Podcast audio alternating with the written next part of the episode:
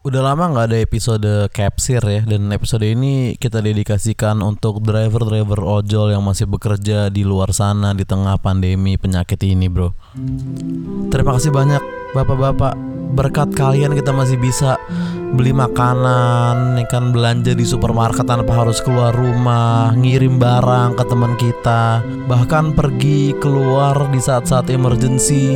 Nih kalau lu pakai layanan ojek online apa pun bro ya, ini adalah momen yang tepat buat ngasih tip, buat ngasih rating tinggi gitu. Kalau bisa jangan cuma kasih bintang 5 tapi lu kasih tulisan juga gitu, apa pun itulah dan jangan lupa untuk kasih tip ya karena mereka punya risiko di luar sana sekarang itu bahaya sebenarnya mereka lakuin tau terima kasih bapak-bapak ojol.